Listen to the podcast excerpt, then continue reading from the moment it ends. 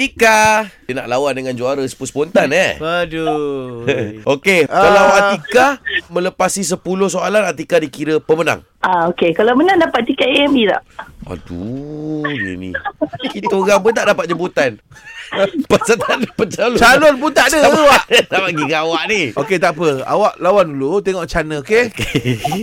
Alright, situasinya adalah dua orang yang macam couple ni nak beli handbag. Ah dia terpaksa minta dengan boyfriend dia. Berapa ambil, beli okey? handbag. Alright. Alright. Okay, eh? Okey. Diri macam tu. Ah, awak nak dua ke tiga?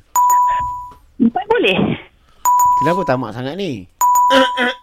Barang nak pergi minta kan? Apa dia? Tak dengar ke? Awak bukan ulang soalan ke tu? Saya ulang ke? Tadi macam ulang kan? Saya nak merah satu, nak uh, bijau satu. Boleh tak? Bijau kau dia punya. Hijau, biru campur hijau. Bijau. Kenapa tak jawab soalan saya? Soalan yang mana ni? Dah makan ke belum?